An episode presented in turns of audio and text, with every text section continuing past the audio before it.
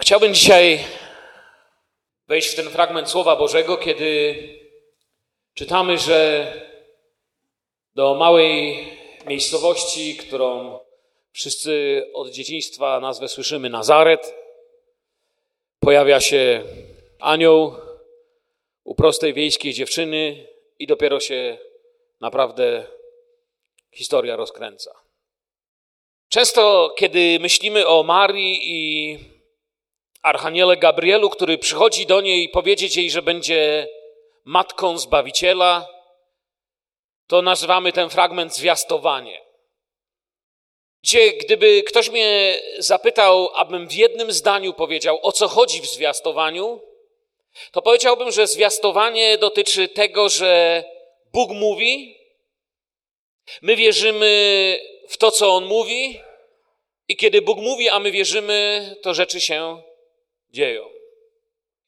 Jeśli tego nie zrozumiemy, to w każdy adwent, w każde Boże Narodzenie, w każdy czas, kiedy historycznie i tradycyjnie będzie się o tym wspominać, my sami utoniemy w takiej, wiecie, tradycji rozczulaniu się nad małym Jezuskiem, ale nigdzie nie ruszymy się dalej. Po prostu utoniemy w tym takim religijnym kwileniu, jak gdyby Panu Bogu było zimno i byłby głodny. Ale nie nauczymy się lekcji, którą Duch Święty, którą Słowo Boże chce włożyć w nasze życie. Bo to nie jest tylko historia o Marii i o Aniele. Zaraz ją będziemy czytać ze Słowa Bożego. Wierzę, że macie już przygotowane wasze Biblie. To nie jest tylko historia o Marii i o Aniele, ale to jest historia o tym, co się musi dokonać w nas ze względu na Słowo Boże. I dopóki to się w nas nie stanie, to nasze chrześcijaństwo będzie nerwowym szarpaniem się z życiem, ciężką religijną charówką, kalendarzowym chodzeniem na nabożeństwa, ale coś się musi z nas stać. To jest historia o Słowie i o Duchu Świętym. Ostatnio mówiłem o domu Zachariasza, o Elżbiecie i mniej więcej w tym miejscu dzisiaj zaczynamy znowu czytanie Słowa Bożego. Pamiętacie historię o Zachariaszu i Elżbiecie, prawda? Ona już piąty miesiąc nosi dzidziusia w sobie. Piąty miesiąc się ukrywa i nie wie sama, co z tym zrobić, wstrząśnięta Bożą łaską i cudem.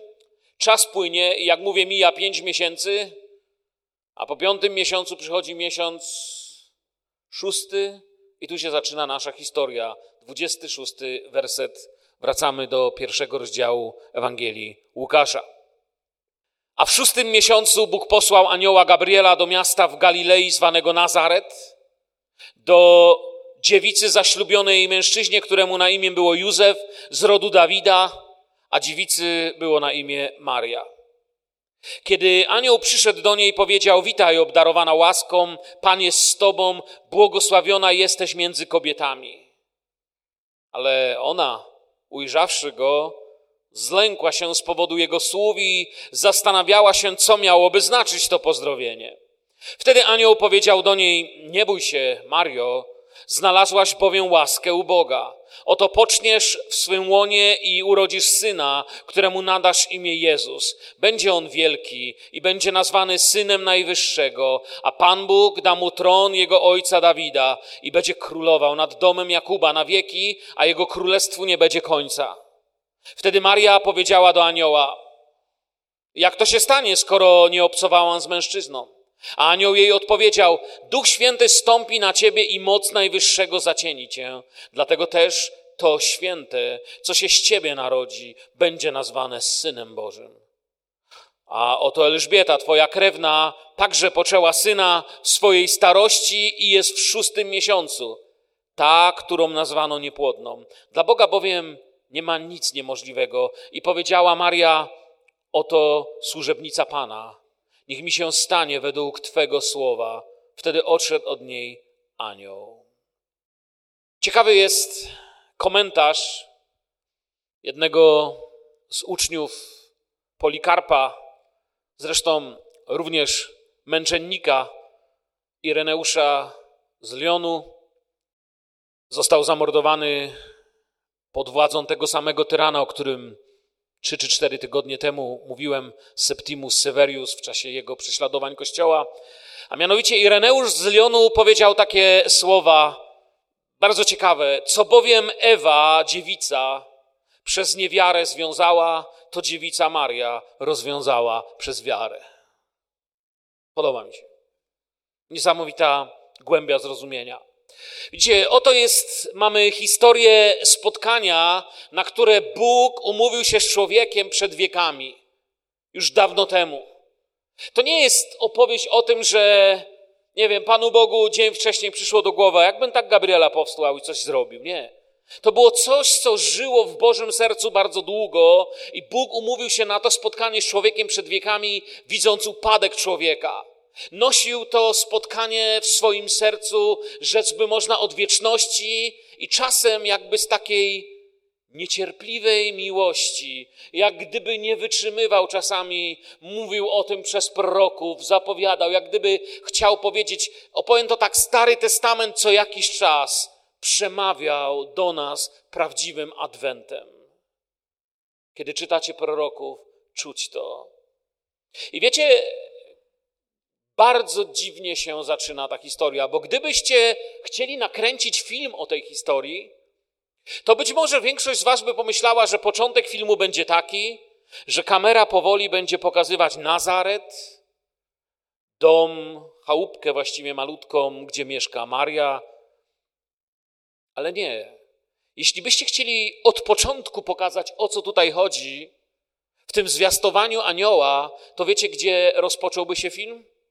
Rozpocząłby się w bardzo dziwnych ujęciach, ponieważ pokazywałby wielotysięczne, maszerujące armie imperiów, które istniały setki lat przed tym wydarzeniem. Wszystko rozpocznie się w dziwnym miejscu, przy odgłosach wielkich armii, które wyruszają na potężną i krwawą wojnę. Ja wiem, że nie brzmi to dla Was jak wstęp o kazaniu, o zwiastowaniu anioła do panny. Ale mamy około 734 lata przed narodzeniem Chrystusa, kiedy król wojownik Ahaz, król Judy, jak wiemy, potomek Dawida, uwikłał się w wojnę z królami Syrii i Samarii, ponieważ nie chciał wejść w nimi układ polityczny i stanąć z nimi przeciwko rosnącej na potęgę Asyrii. Imperium zła rosło coraz większe, a inni źli chcieli mu zabrać władzę i dzisiaj nie jest naszym zadaniem polityczne zastanawianie się nad militarnymi decyzjami Ahaza, bo o czym innym chcę mówić, ale armie sprzymierzonych królów Syrii i Samarii wyruszają przeciwko Ahazowi, dążąc do zniszczenia go, usunięcia go, skoro nie chce być z nimi, jest przeciwko. I Ahaz wyrusza i zwraca się o pomoc do ich wroga do pogańskiego króla Asyrii. Wybiera pomiędzy dwoma złami, bym powiedział, pomiędzy dwoma złymi rzeczami.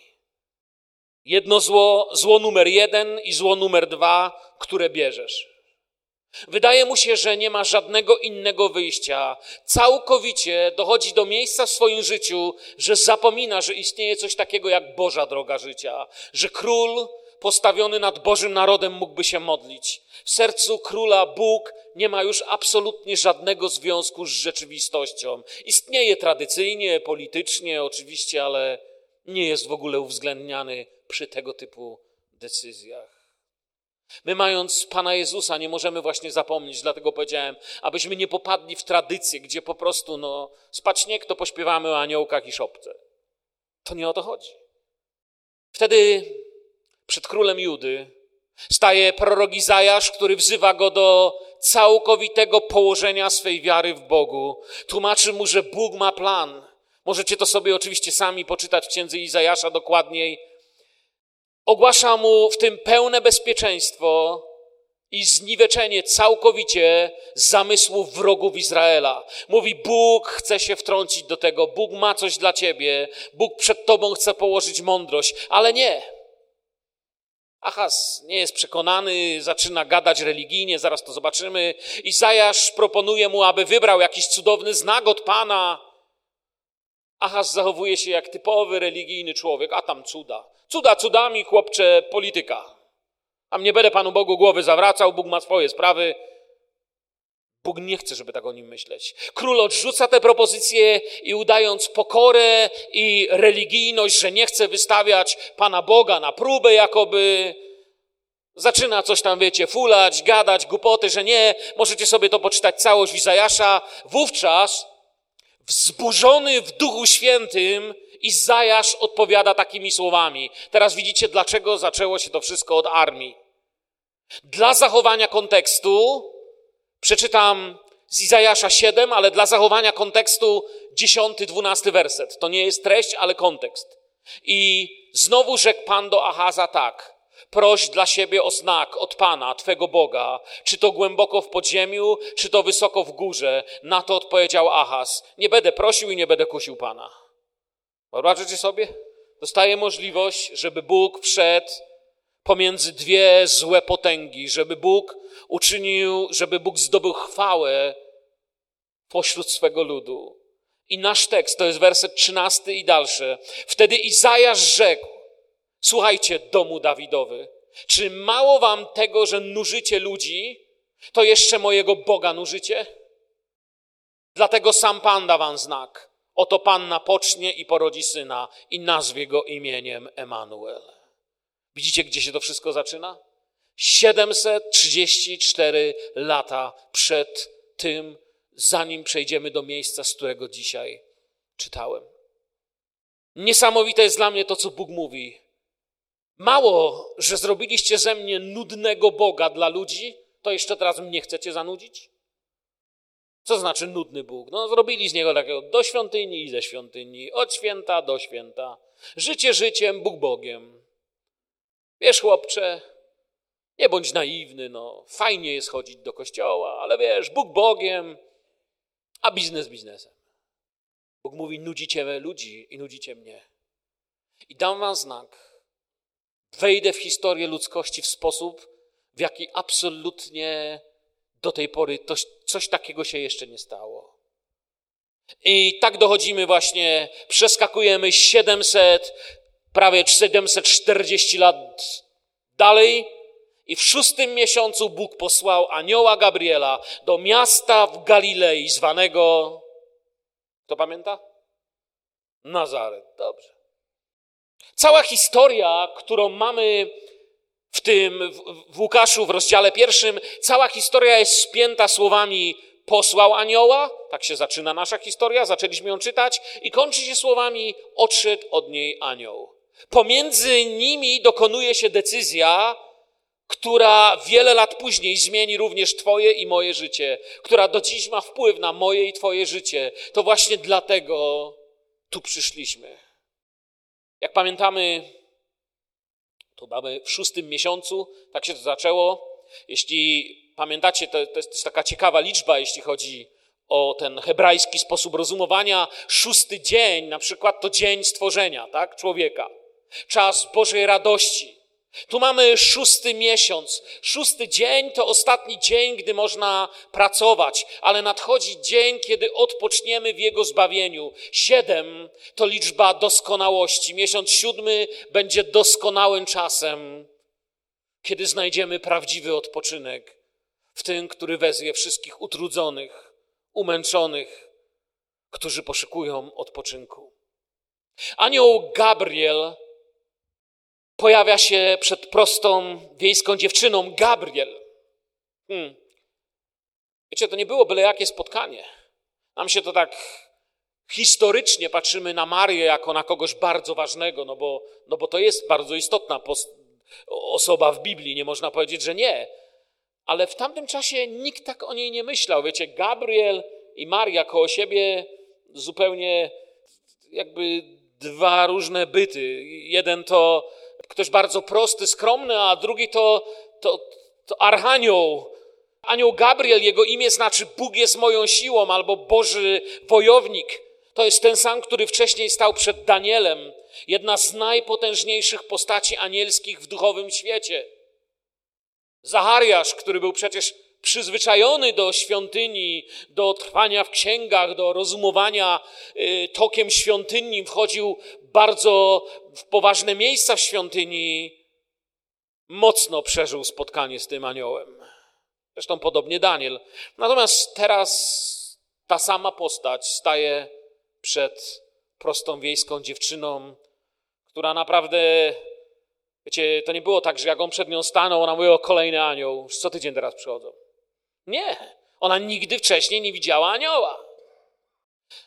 Teraz gdzie to się dzieje? Zobaczcie. Bo znowu też tak czytamy, o przyszedł do Nazaretu, do Panny, do Marii, anioł Gabriel. Zobaczmy do Nazaretu. Wiecie, Nazaret to jest w ogóle, ja nie wiem, najdelikatniej można powiedzieć, że to jest dziura zabita dechami, o tak bym powiedział. Nie wiem, jak po czesku się to mówi, ale, ale na pewno jest takie słowo po czesku na coś takiego. To jest zupełna dziura. Powiem wam dlaczego. Talmud, 63 wioski w Galilei wspomniane są w Talmudzie. W samym Talmudzie. 63 różne, czasem naprawdę małe wioski są tam wspomniane, ale nie Nazaret. Nie ma go tam. Znawca Galilei, historyk, Żyd, który przeszedł na stronę Rzymian i tylko dlatego dużo historii dzisiaj znamy, Józef Flawiusz, autor sławnej wojny żydowskiej, nie wspomina o Nazarecie ani raz, chociaż jest znawcą Galilei i wspomina 45 innych małych miejscowości w swoich różnych dziełach, ale nigdy nie Nazaret. Gdzie Nazaret to jest coś takiego, to jest to uczucie, jak niektórzy z Was są kierowcami, macie GPS-a, nie? I macie gdzieś jechać i wpisujecie nazwę miejscowości, a nawet GPS nie wie, gdzie to jest. Takie małe. Albo takie nieistotne. Takich dziur nawet GPS nie uwzględnia. Miasteczko położone jest w Dolnej Galilei, w północnej części Izraela.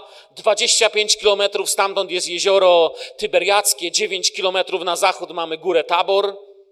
Leży na uboczu. Wiecie co? Nie prowadzi tamtędy żaden jakikolwiek szlak. Ani handlowy, ani militarny, ani pielgrzymkowy. Obok tak, ale nie tam.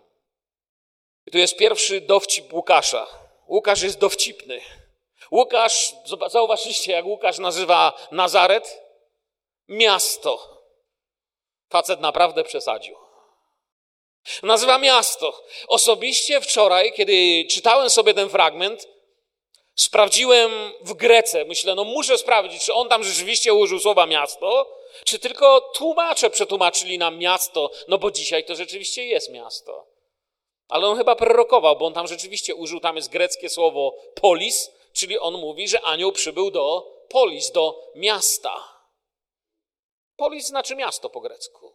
Wiecie, bo jeżeli Nazaret był miastem, no to Hrabek czy Grudek to jest metropolia. Dlatego, że liczba obywateli Nazaretu w czasach, kiedy przybywa tam Archanioł Gabriel, wynosi całe 480 osób. A Łukasz, miasto. No to my mieszkamy w metropolii, nie ma źle. Ciekawe jest, zacząłem się tym interesować, zacząłem więcej czytać. Badania archeologiczne potwierdziły tylko tyle, że było to miejsce bardzo ubogie, miejsce biedy. Pamiętam, kiedy jeszcze byłem pastorem w Chełmie, to kiedy były te czasy największego bezrobocia, to Chełm, na mapie Polski był na czerwono. Tam było bezrobocie tak potężne, jak tylko w kilku innych miejscach Polski. I pamiętam, jak wtedy ktoś powiedział: Słuchaj, mieszkasz w Polsce B. Ja wcześniej nie słyszałem, że jest Polska A i Polska B. Tam, kiedy się przeprowadziliśmy w 96 roku i zacząłem być pastorem, to usłyszałem, że to jest Polska B. Przyjechali do mnie Amerykanie, chcieliśmy pójść do restauracji, okazało się, że nie ma ani jednej. Była jedna komunistyczna i do tego zamknięta. Dzisiaj tam jest wszystko, a wtedy nie było. I do dziś pamiętam, jak, nie wiem, czy kojarzycie naszego gościa, który często przyjeżdża, Rick Gennon. Jego tata wtedy do mnie przyjechał, nieżyjący już pastor Phil Gennon.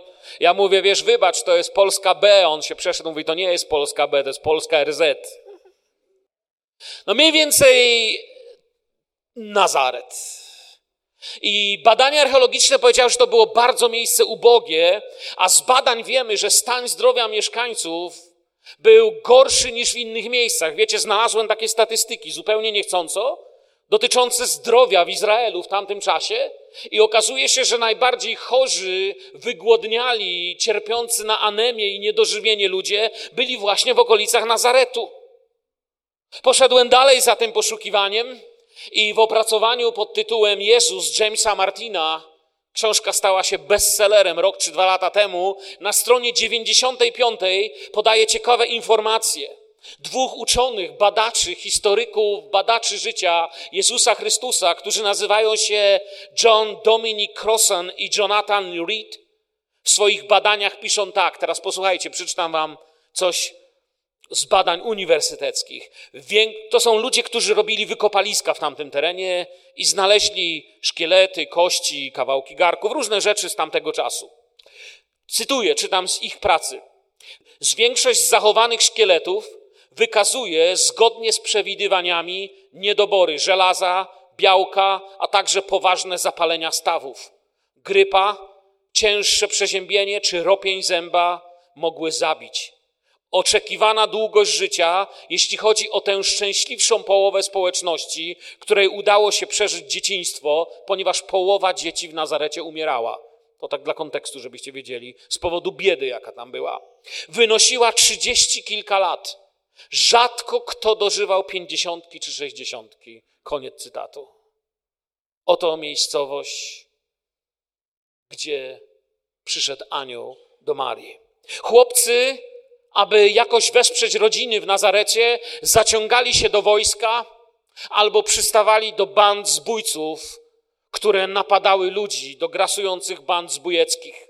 Wielu z nich, którzy chcieli uczciwie pracować, a nie mogli iść do wojska, a nie chcieli być w bandach, ruszało na nogach do bogatego i rozrastającego się za sprawą Heroda, miasta, gdzie panowała grecka, heleńska kultura do Seforis. Seforis było takim miejscem, gdzie się szło, żeby zarobić na chleb. Kobiety piekły, tkały, szyły. Wiele z nich z powodu głodu oddawało się prostytucji i nierządowi, tylko po to, aby coś zjeść. Taka jest realność Nazaretu. Rodziny wielodzietne, takie jak Jezusa, ciężko pracowały, trzymali się razem, łączyła ich wspólna wiara, wysiłek. Takie było właśnie miasto Pana Jezusa. Widzicie, bo w wypadku Zachariasza, pamiętacie Zachariasza, o którym mówiłem wcześniej, w wypadku Zachariasza to było, to było wielkie święto, wielki człowiek, świątynia w samej Jerozolimie, świątynia, której złoto onieśmielało, Jerozolima, w ogóle no, trudno porównywać Zachariasza i Marię. Tam, gdzie on miał swoje przeżycie z aniołem, to było centrum wszystkiego. Tam były wszystkie pieniądze, skarby, oczekiwania i nadzieje. Nazaret, nie ma go w Starym Testamencie, a w Nowym Testamencie możecie sami poczytać, też nie jest wybitnym miejscem. Nazaret w tamtym czasie był miejscem całkowicie nieuwzględnianym przez religię, lecz tu się zaczyna cała przygoda. Bóg nie poszukuje religii, Bóg poszukuje człowieka, który chce go kochać i mu służyć. Nazaret miał opinię.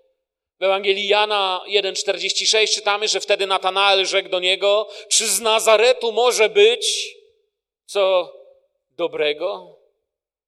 I Filip zachęca nas do dzisiejszego kazania, odpowiadając Natanaelowi, pójdź i, i zobacz, coś się dobrego stało. Oto Nazaret. Na kogo mamy w Nazarecie? Więc już nie będę wam więcej mówił o Nazarecie, bo niektórzy się głodni aż poczują.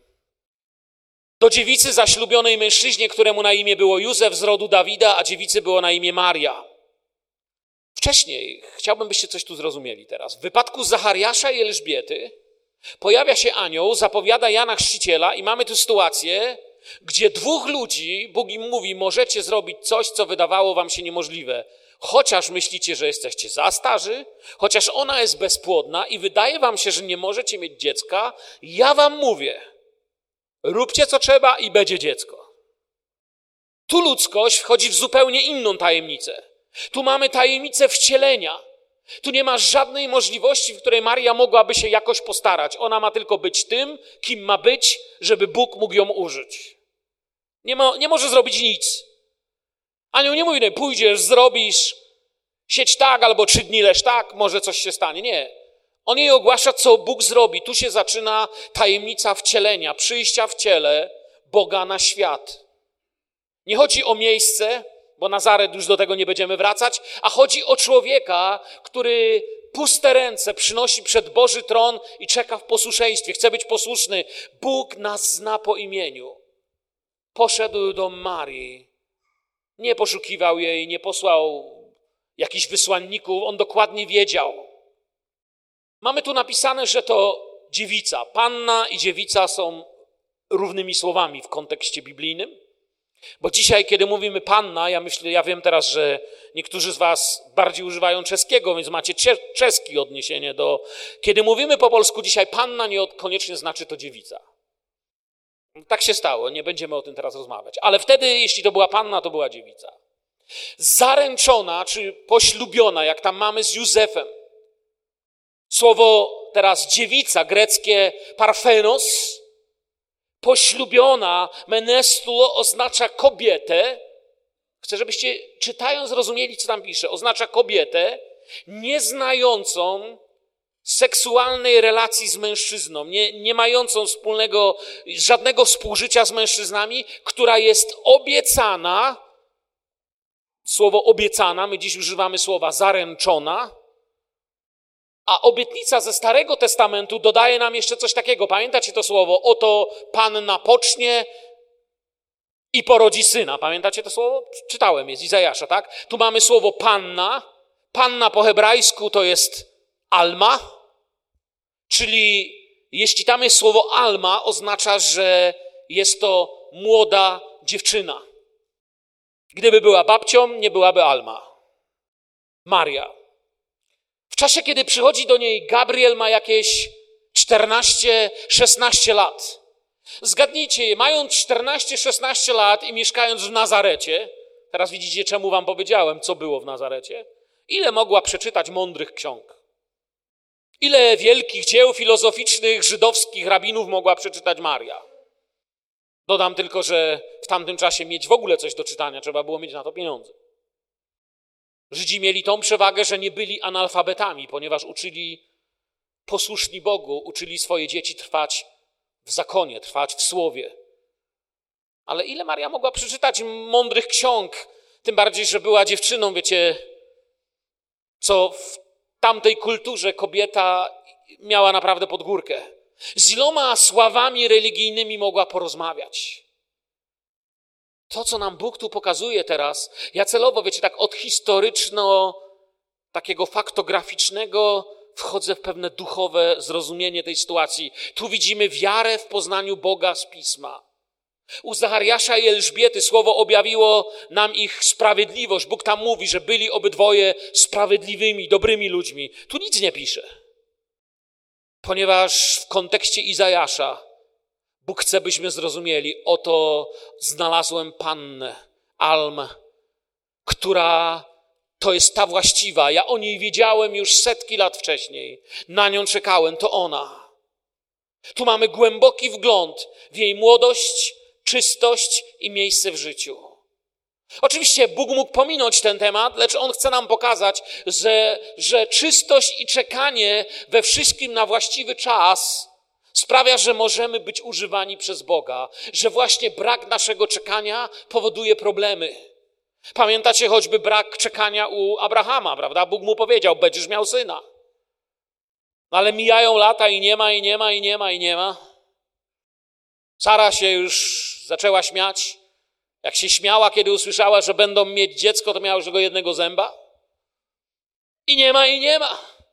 I pamiętacie, co zrobił w związku z tym, że nie było syna? Wziął i sam sprawę załatwił. Dziecko i matkę musieli potem wygnać na pustynię. Doszło do tragedii, ale Bóg się nie odwrócił, ponieważ Bóg jest Bogiem przymierza. Bóg jest Bogiem, który jeśli się kimś zajmie, to się od tych osób nie odwraca. I dalej historię znacie. Także Bóg mógł tu pominąć ten temat, ale ona czekała na właściwy czas, była czysta do dyspozycji Boga. My byśmy powiedzieli, że no nieważne dziewica czy nie dziewica, ważny charakter. No właśnie charakter sprawia, że jest czysta i nadaje się do posłannictwa, do misji, którą Bóg ma. Charakter idzie w parze z naszą czystością. Nie można mieć brudnego charakteru i czystego życia, uwierzcie. Gdy przychodzi Bóg, nasza przeszłość jest ważna. Dlatego potrzebujemy Jezusa. Gdy przychodzi Bóg, nasza teraźniejszość jest ważna. Dlatego musimy trwać w Słowie, bo zmienia się przyszłość. I dlatego to, co było, jest ważne, byście odnaleźli porządek w waszej przeszłości w Chrystusie. Nie musisz żyć obciążony przeszłością, nie musisz chodzić obciążony grzechami, ale Bóg załatwi sprawę z Twoją przeszłością. Ważne, byście w teraźniejszości wiedzieli, że pomimo naszych niedoskonałości, Bóg ma plan, chce zmieniać Twoje życie, iść do przodu, bo zmienia się przyszłość. Zaślubiona była Józefowi z rodu Dawida. W gotowości i posłuszeństwie tych ludzi wypełniać zaczynają się obietnice przekazywane z ojca na syna, są możliwe, by się wypełniły, ponieważ oni z ojca na syna trwają w wierności słowu, w czystości i posłuszeństwie, kiedy wydawałoby się, minęło 400 lat, odkąd ostatni prorok zamilkł. Pomiędzy Starym i Nowym Testamentem te białe kartki, 400 lat milczenia, wydawałoby się, jakie znaczenie ma jak to, jak ja żyję. Boga dawno nikt nie słyszał i nie wiadomo, kiedy usłyszy znowu. Ogólnie ludzie mówią, że chyba już może przeminęły te czasy, kiedy Bóg mówił, ale oni trwali, trwali wiernie w Słowie Bożym. Kiedy anioł przyszedł do niej, 28 werset powiedział: Witaj, obdarowana łaską, Pan jest z tobą, błogosławiona jesteś między kobietami, ale ona ujrzawszy go, zlękła się z powodu jego słów i zastanawiała się, co miałoby znaczyć to pozdrowienie. To przesłanie zaczyna się od niezwykłych słów. Witaj. Chciałbym, byście coś zauważyli. Mamy tutaj to w trybie rozkazującym greckie hairo co to jest tryb rozkazujący. Wiecie, co to jest rozkaz, prawda? Czyli wiecie, co on do niej mówi? On nie mówi do niej w ogóle witaj. On do niej mówi tak, raduj się. No słyszysz, co ci mówię? Raduj się, to jest ton rozkazujący. Wchodzi i mówi raduj się. To jest słowo pochodzące od chara, czyli radość. Tu nie ma żadnego zdrowaś. Albo bądź pozdrowiona albo bądź powitana. Nie ma tu czegoś takiego. On wchodzi i mówi: raduj się. Tak jest dokładnie w Grece. Nie ma takiego przywitania w Starym Testamencie. To jest coś, co po raz pierwszy widzimy. Coś całkowicie nowego. Nastaje czas Jezusa, czas radości. A więc mówi do niej: raduj się. No z reguły, kiedy Pan Bóg się pojawiał, to mówił co? Nie bój się. Tu tak nie ma i nie będzie, chociaż myślicie, że będzie, ale zaraz do tego dojdziemy. Z reguły Bóg musiał zaczynać od nie bój się. Lecz tu mamy to, o czym pisał Sofoniasz w trzecim rozdziale. Wesel się, córko Syjonu, wykrzykuj głośno Izraelu, raduj się, wykrzykuj radośnie z całego serca, córko Jeruzalemska. Pan oddalił Twoich przeciwników, odpędził Twoich nieprzyjaciół. Pan, król Izraela, jest pośród Ciebie i już nie doznasz nieszczęścia. Tak dalej zapraszam do księgi Sofoniasza. Raduj się. Te słowa obdarowana łaską, albo które tłumaczymy czasami też łaskiś pełna, znów też nie do końca oddają to, co tu pisze. Jest ciekawe, bo kiedy próbowałem dokładnie napisać, co naprawdę tu pisze, troszkę się odbiłem od ściany, ponieważ okazuje się, że teolodzy uważają, że jest to jedno z najtrudniejszych greckich słów Nowego Testamentu. Najbardziej blisko zrozumienia tego znaczenia przetłumaczylibyśmy to nie łaskiś pełna, ale łaską przemieniona. To znaczy nie coś, co zrobiła ona, ale coś, co jej się stało. Witaj, czy raduj się, przepraszam, nie witaj. Raduj się łaską przemieniona. Raduj się ty, która została zmieniona łaską. To dotyczy czegoś, co nie jest dziełem Marii, ale jest jej udziałem i faktem w jej życiu. Pan z Tobą oznacza i zawsze oznaczało w Starym Testamencie i w Nowym, że stoimy po Bożej stronie. Słyszeliście mnie, przyjaciele? Stoimy po Bożej stronie. Nie, że Bóg stanął po naszej. Już w księdze Jozuego, bodajże w szóstym rozdziale, jeśli się nie mylę, gdzie Jozue spotyka wodza wojska Pana, to jest chyba szósty czy siódmy rozdział, możecie później sprawdzić. Kiedy spotyka to, Jozue się go pyta, ty jesteś nasz czy przeciw nam? A ten mu nie będzie się tłumaczył, czy on jest nasz czy przeciw nam. Mówi, nie. Objawia mu, kim jest I Jozue natychmiast oddaje mu pokłon. Wie, że to nie jest ktoś, z kim może sobie dyskutować, czy jest po jego stronie, czy nie. To jest ktoś, po czyjej stronie lepiej być. Pan z tobą oznacza, że Bóg ma rację, a my stoimy po jego stronie, po tej właściwej stronie. Bóg objawiał to w Starym Testamencie tym, którzy podejmowali się rzeczy nie do zrobienia. W wielu historiach Starego Testamentu, kiedy czytamy o cudach i o zwycięstwach, które odnosił Boży naród, widzimy tą zachętę powiedzianą w różny sposób: Pan jest z Tobą. Przeto nie oprzeć się przeciwnik, dasz radę i tak dalej. Wiecie, każda duchowa rzecz dokonuje się w tych miłosnych stwierdzeniach Pana Boga, pełna łaski, przemieniona przez łaskę, Pan z Tobą. W chrześcijańskim życiu, jeśli nasze chrześcijaństwo jest prawdziwe, nie chcemy niczego innego niż właśnie taką realność. Jeśli na cokolwiek powiemy tak, to właśnie będzie to wola Boża zawarta w tych dwóch stwierdzeniach. Usłyszcie mnie, przyjaciele, w łasce i w Bożej obecności jest możliwość jakiegokolwiek cudu w naszym życiu i nie poza. Tam jest to, czego pragniemy, tam dostępujemy zbawienia, tam zwyciężamy, tam się dzieją rzeczy, których czujemy w sercu powołani do tego, że do tego właśnie powołał nas Pan. Każdy, kto po, zacznie poszukiwać, zobaczy, masz coś, do czego cię Bóg powołał. Jeśli marnujesz czas nie tam, gdzie masz być, będziesz żył w depresji, będziesz usychał, będziesz cierpiał, ponieważ musisz iść tam, gdzie Bóg cię powołuje, gdzie łaska cię przemienia, gdzie Pan jest z tobą. Ona, ona była szczęśliwa, albo jak wolicie lepsze słowo na szczęście, błogosławiona między niewiastami. Krótko mówiąc, najszczęśliwsza z kobiet. Patrząc na Nazaret i na to wszystko, nie od razu widzimy tu naszą definicję szczęścia, prawda? Gdy zaczęła myśleć o tym, co usłyszała, była wstrząśnięta, bo powodem do radości jest coś, co nie mieści się w ogóle w ludzkim pojęciu. Tu, tu trzeba się całkiem przestawić na przyjmowanie rzeczy od Boga. W tym miejscu objawienia Zachariasz w tym miejscu, chcę, żebyście mnie usłyszeli teraz, w tym miejscu objawienia, kiedy anioł jej powiedział, co się stanie, Zachariasz już przestał słuchać. Co zaczął robić? Zaczął gadać. Tak dużo gadał, że mu w końcu anioł powiedział, że nie będzie w ogóle gadał. I dziewięć miesięcy nic nie mówił. W tym miejscu Zachariasz już mówił, ale ona milczy i rozważa.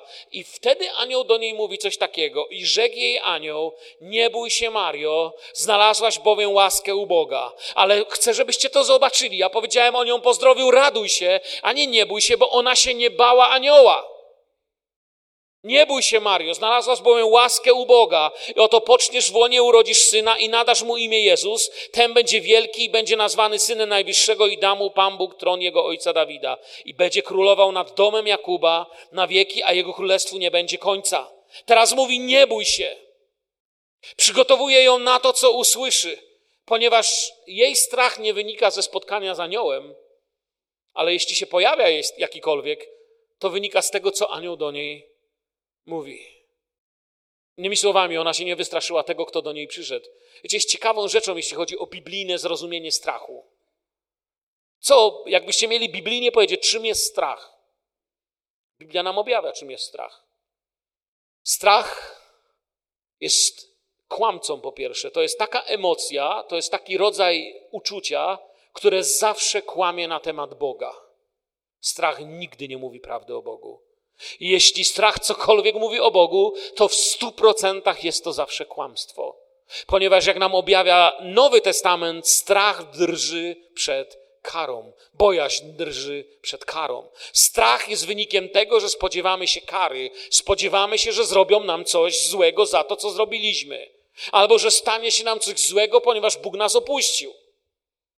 Teraz mówię do niej, nie bój się, ale ona się nie boi, że anioł ją zabije albo jej coś zrobi, ponieważ jej życie jest czyste, jest najlepiej jak się dało, jest przemieniona przez łaskę. Gdyby nie była przemieniona przez łaskę, może by się bała. Słowo nam mówi, że zlękła się z powodu jego słów. Chcę, byśmy to zobaczyli. Ona nie wystraszyła się anioła, ale to, co on mówi, ona wierzy, no ale wierzyć wierzy, tylko że gdybyście słyszeli, że coś takiego się wam stanie, to przy całej wierze nadal ja bym się obawiał, co dalej. Nigdy jeszcze kobieta nie słyszała takich słów. I mamy do czynienia 14, 15, 16 lat. Dziewczyna. Nic nie przekrzywia obrazu woli Bożej bardziej niż strach, ale jej strach wynika z tego, jakie, zadanie otrzymuje, co słyszy. Nie bój się. Znaleźć łaskę oznaczało, że będzie się obdarowanym w szczególny sposób przez Boga. W Starym Testamencie ten zwrot oznaczał na przykład, czy znalazłem łaskę w oczach Twych. To się mówiło, jak się stało przed jakimś królem, wielkim władcą, który decydował na przykład, co zrobić z naszym życiem. To się pytało, czy znalazłem łaskę w oczach Twych. Czy chciało się być potraktowanym w szczególny sposób. To jest ważne, byśmy zrozumieli. Wiecie, Bóg nie nakazuje jej począć. Bóg nie mówi do niej, wiesz, ja nie wiem jak, ale poczniesz. Nie mówi, że musi się jakoś o to postarać, ale bez męża. Proroctwo mówi, dziewica, panna pocznie i porodzi syna. Chcę, byście zobaczyli logikę Bożą. Gdyby poczęła tego syna z mężczyzną, no to to już by nie była panna. Bo nie da się mieć dziecko i pozostać dziewicą. Ale panna pocznie i porodzi syna. Nie da się począć nie naruszając dziewictwa. Tego się nie da. To jest nic niezwykłego, że mężatka, która jest z mężem i obydwoje są zdrowi, mogą począć dziecko. Ale jest niezwykłe, kiedy nie ma mężczyzny, jest panna i pocznie i porodzi syna. Nawet gdyby była królową mieszkającą w złotym pałacu, a nie w Nazarecie, trudno by było, by pojęła i nie wystraszyła się tego, co się ma stać. Jest prostą dziewczyną, ale to wiara i gotowość zmieniają wszystko, nie stanowiska. On będzie wielki. On będzie tak wielki, że ten, kto go zobaczy, ojca widział. To jest to miejsce, gdzie martwy pień historii wydaje się zakwitać. Zaczyna się jakiś zielony listek wyłaniać pośród wszystkiego, co martwe. Nadasz mu imię Jeszua albo Jehoszua, Bóg zbawia, czy jak my mówimy z greckiego języka Jezus. A Maria rzekła, jak to się stanie, skoro nie znam męża? I odpowiadając, anioł rzekł jej, Duch Święty stąpi na ciebie, moc Najwyższego zacieni cię, dlatego też to, co się narodzi, będzie święte i będzie nazwane Synem Bożym.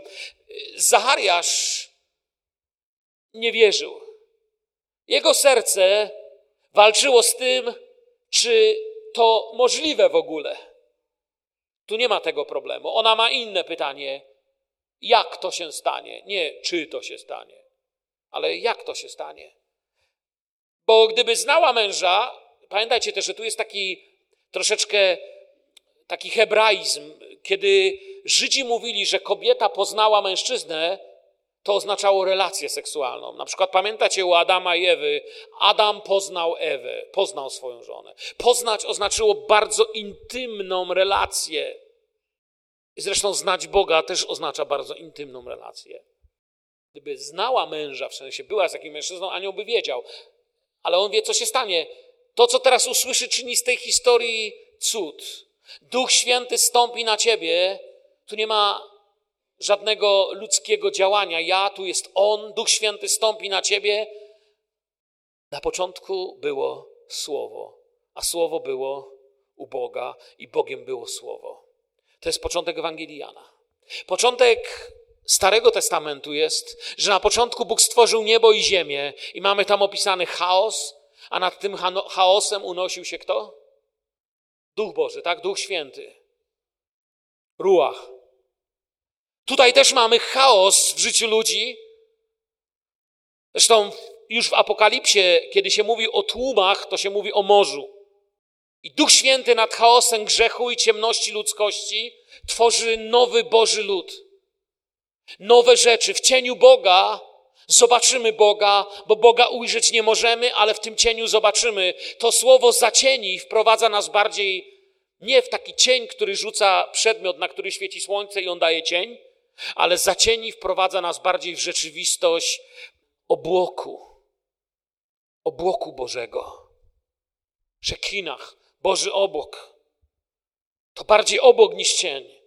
Niemowlę, to co się narodzi, jest od razu powiedziane, jakie będzie? Święte. I teraz nagle Gabriel zaczyna mówić do niej, oto Elżbieta, krewna Troja, którą nazywają niepłodną, także poczęła syna, starości swojej, a jeżdżysz w szóstym miesiącu, bo u Boga żadna rzecz nie jest niemożliwa. To jest dobry werset, żebyśmy go sobie zapisali i powiesili nad łóżkiem, na ścianie, albo zapisali na ręce chociaż i czytali kilka razy dziennie. U Boga żadna rzecz nie jest niemożliwa, bo ty i ja mamy ciągle problem z pamiętaniem tej prawdy, tak jest? Zobacz, co się dzieje u Elżbiety, mówi do niej. Historia Bożego ludu wchodzi nowy czas zbawienia. Oto główny werset tej historii do zapamiętania dla nas. Dla Boga nie ma nic niemożliwego. Bądźmy tymi, do których Bóg właśnie w taki sposób może przyjść. Gdzie czasami jesteśmy tak zamknięci w tych naszych planach, ranach, bólach, rozczarowaniach, wyobrażeniach, byśmy nie przyjęli. Zresztą nie bez przyczyny anioł mówi jej Elżbiecie, bo jeżeli zaczniecie uważnie czytać Nowy Testament, to zgadnijcie, gdzie wybierze się w pierwszą swoją wędrówkę i odwiedziny Maria. Dokąd pójdzie? Do świątyni? Nie. Pójdzie do Elżbiety. Słowo Boże realnie łączy się z życiem tych kobiet. Czytając, że są one rodziną, odkrywamy jeszcze inną piękną rzecz. Ponieważ Maria, to możemy czytać, gdybyśmy zrobili sobie głębsze studium, Maria jest z rodu Lewiego, z rodziny kapłańskiej, Józef jest z rodu Dawida, z rodziny królewskiej i nagle królestwo i kapłaństwo spotykają się na drodze ludzkiego zbawienia. Józef jest opiekunem, nie jest biologicznie ojcem, ale przekazuje tą linię, przekazuje prawdę proroczą. Przekazuje to serce, tą ziemską opiekę. I rzekła Maria, oto ja, służebnica pańska, niech mi się stanie według słowa Twego i anioł odszedł od niej. I zamyka się nasza historia. Samuelowi, który usłyszał głos Boga, chociaż ktoś powiedział, co mówić. Jak usłyszysz jeszcze raz, to powiedz co? Mów, panie, sługa słucha, tak? Jej, jej tutaj nikt nie powiedział. Nikt jej nie powiedział, co ma mówić, ale odpowiada: Jestem służebnicą Pana. Nie miała czasu poćwiczyć takiej odpowiedzi. Nie było tak, że przyszła do niej mama i mówi: Mario, wiesz, że ma przyjść anioł, poćwiczmy jeszcze raz, co odpowiesz. Tak, mamusiu. No to powiedz mi, nauczyłaś się wierszyka, który masz powiedzieć aniołkowi? Nauczyłam się. Co masz mówić? Oto ja, służebnica pańska. Już nie mówiąc o tym, że tam nigdy nie było żadnego oto ja. Tam nie było żadnego ja. Bo służebnica pańska. Wszystko. Gedeon też inaczej reagował na słowo, prawda? Samuel nauczył się. Powiedzieli mu, mów, panie, sługa twój słucha. Marii nie powiedział. Gedeon poprosił o znak. Znak, który czasem nazywamy runem. Czasem spotkacie, jak wam ludzie powiedzą, że kładą runo, co jest oznakiem niewiary w Pana Boga i niewierności Bożemu Słowu, a nie żadną cnotą. Jest kompletnie niezrozumiały fragment Słowa Bożego. Kiedy kładziemy przed Bogiem runo, to mówimy Bogu, nie wierzę Ci w to, co mówisz. Gedeon bardzo jasno powiedziane mu zostało, co masz zrobić i jak zrobić. Ale on nie wierzył, to kładł runo. I oczywiście ja wiem, że wiele razy, kiedy to mówicie, to nie macie takich myśli, tylko po prostu źle rozumiemy ten fragment. Jeżeli wiesz, co masz robić od Boga, często kiedy ludzie do mnie mówią, wiesz, kładłem runo przed Panem, to tak naprawdę w ogóle nie wiedzieli, co mają robić. Oni dopiero chcą się dowiedzieć, co robić. I jak się dowiedzą, to wierzą Panu. Ale używają złego określenia. Runo wcale nie przydało się Gedeonowi. Wcale nie było czymś, co doprowadziło tą sytuację, ale nie mówimy teraz o historii Izraela. Ale to, jeszcze raz powiem, to nie jest jakiś pozytywny objaw wiary. W wypadku Gedeona był to objaw raczej niewiary w to, co już wiedział, co ma robić, ale nie robił. Bo mu się w głowie nie mieściło, że to możliwe. Maria nie kładzie żadnego runa. Maria nie mówi, wyjdę za Nazaret, położę, będę w ciąży czy nie będę w ciąży. Oto ja. Po tym, co usłyszała, co pomyślała, bo jest napisane, że usłyszała, zaczęła rozważać, czyli pomyślała, jest gotowa wierzyć słowo. Bóg, który chce usłużyć człowiekowi, przychodzi przez służebnicę. Jezus był sługą i służył. Bóg, który chce usługiwać, przychodzi do tej, która jest gotowa usługiwać. Nie mógł przyjść przez jakąś dumną, wyniosłą hebrajską królową, bo ona by nie zrozumiała o co chodzi. Nie mógł przyjść przez jakąś wielkie, jaśnie wielmożną panią z zamku, bo ona by nie zrozumiała. Bóg, który jest sługą, sługa król, przychodzi przez służebnicę. Oto ja, służebnica. Jeszcze raz mówię, to ja, to dobrze brzmi po polsku, ale jego tam w ogóle nie ma w oryginale. Oto służebnica, oto ja jest, oto jestem do służenia, to, to, to ja tak w polskim się tutaj wtrąca. Po tym, co usłyszała, przyjęła. Powiedzieć Bogu, oto jestem sługa, służebnica Twoja, to odpowiedź na powołanie, które zmieni wszystko. Kończąc powoli, zanim się będziemy modlić. Wiecie, prawdziwe tak dla Boga nie jest jakimś nabożeństwem w niedzielę. Prawdziwe tak dla Boga jest zmianą życia. Kiedy zaczniecie Bogu mówić tak, ludzie często nie będą rozumieć, co robicie. Kiedy zaczniecie mówić Bogu tak, to często ośmieszycie się w świetle tego, co sami wcześniej myśleliście. Kiedy zaczniecie mówić Bogu tak, to zmieniać się zacznie cała wasza przyszłość. Kiedy mówisz Bogu tak, świat często w ogóle tego nie złapie. Prawdziwe tak oddaje mu plany. Prawdziwe tak oddaje Bogu plany, bo za chwilę chciałbym, byśmy się mogli modlić, aby niektórzy, ci, którzy poczuli, co dzisiaj było w tym słowie zawarte, mogli powiedzieć: Tak, Panie, mów do mnie, chcę iść za Twoim powołaniem. Prawdziwe tak oddaje Bogu plany. Bóg działał sobie ze zwykłymi ludźmi, oni mieli wady. Zachariasz na pewno miał wady. Sara śmiała się, jeszcze mówiła, nie śmiałam się wcale. I wielu z nich innych. Ale Bóg na to nie patrzył. Bóg widział serce, mówił, a jak ty powiesz, że tak, to tak. Chociaż w głowie się nie mieściło, prawda? Prawdziwe tak zmienia plany. Maria miała plan, życie z Józefem, żyć spokojnie i tak nie była w jakimś niezwykłym miejscu, Nazaret, prawda? Prawdziwe tak oznacza, że myślimy. Rozważała w sercu. Prawdziwe tak oznacza, że również Twoje ciało, czyli fizyczne otoczenie, to co Cię otacza, wszystko, co jest cielesne od, od naszego ciała, a nie wiem, na pieniądzach i meblach i domu i wszystkim, co mamy, kończąc, wszystko to musi zacząć służyć temu tak. I wielu jest w historii Biblii i misji Kościoła, męczenników, królów, zwycięzców i proroków, którzy powiedzieli tak i poszli, zrobili, czekali, oddawali. Ona poczęła, urodziła, zachowywała w sercu, stała pod krzyżem. Prawdziwe tak niesie w sobie też ryzyko.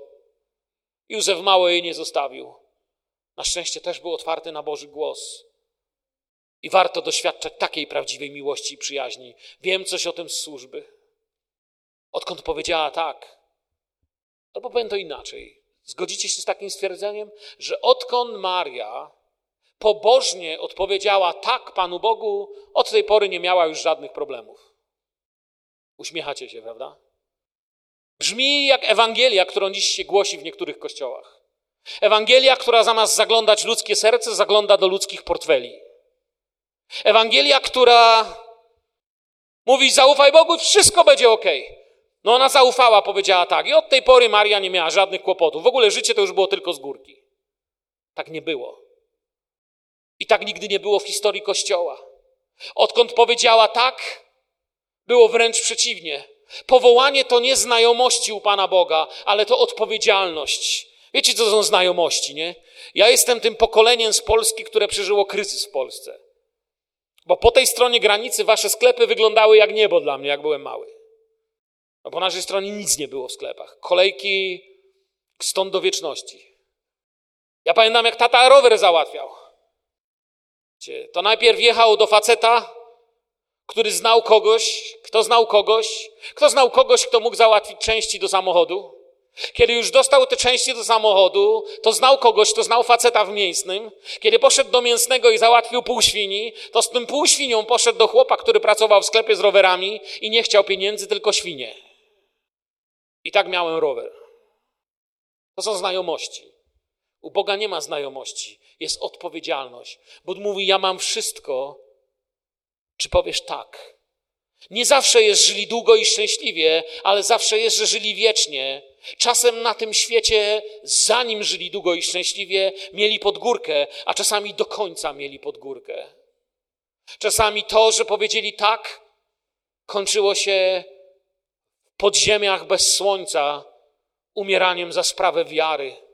Czasami to, że powiedzieli tak, kończyło się na arenie przez rozszarpanie przez dzikie zwierzęta albo zabicie przez gladiatorów.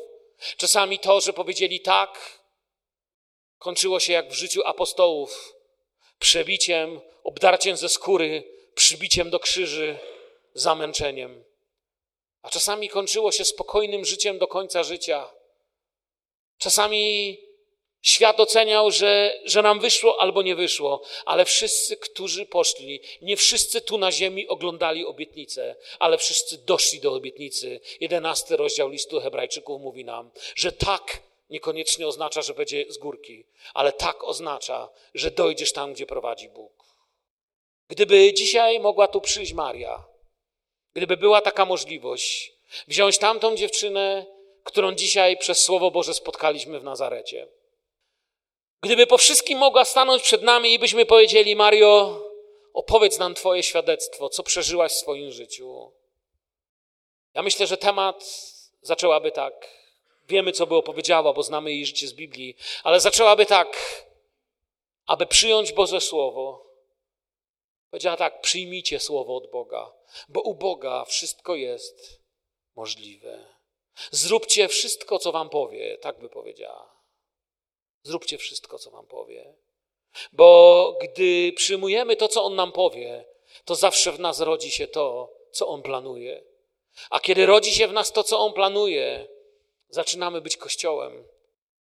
Zaczynamy robić, mówić, służyć, czynić rzeczy, które mógłby tylko Bóg uczynić. Wstańmy i podziękujmy Jezusowi za to objawienie słowa. Chwała Tobie, Panie Jezu. Wywyższenie Tobie. Dziękujemy Tobie dzisiaj za szkołę wiary. Dziękujemy Tobie za to, że uczymy się, że powiedzieć Tobie tak. To nie jest dlatego, że sobie chcemy coś zyskać. Panie, proszę Ciebie, abyś miał wgląd do nas, abyś nam pokazywał nasze motywy. To dlaczego mówimy Tobie tak? Aby to zawsze było tak z miłości, a nie dlatego, że mogę z tego coś mieć. Nie dlatego, że mogę z tego coś zyskać. Dziękuję Ci za wszystko, co mam i zyskałem. Dziękujemy Ci, Panie, za jedzenie w naszych domach. Dziękujemy Ci, że w naszych domach nie ma głodu, że nikt z nas tutaj nie siedzi i od trzech dni niczego nie jadł. Dziękujemy Ci, że wszyscy mamy kogoś, kto nas kocha, ale proszę Ciebie, abyśmy ponad wszystko pokochali Ciebie i abyśmy umieli powiedzieć tak na to, z czym Ty przychodzisz. Abyśmy nie obliczali chodzenia z Tobą, abyśmy nie liczyli plusów i minusów, abyśmy się tak zakochali, byśmy niczego poza Tobą nie widzieli. Dziękuję Tobie za tę historię z Biblii. Dziękuję Ci za Marię, która uczy mnie. Za Marię, od której mogę się uczyć, z której mogę brać przykład, jak wyruszyć w wędrówkę z Tobą, Panie. Dziękujemy Tobie za lekcję wiary, Ojcze, przez którą cudownie chcesz poprowadzić nas i w naszym życiu. Za to niech Tobie będzie chwała i cześć. Amen.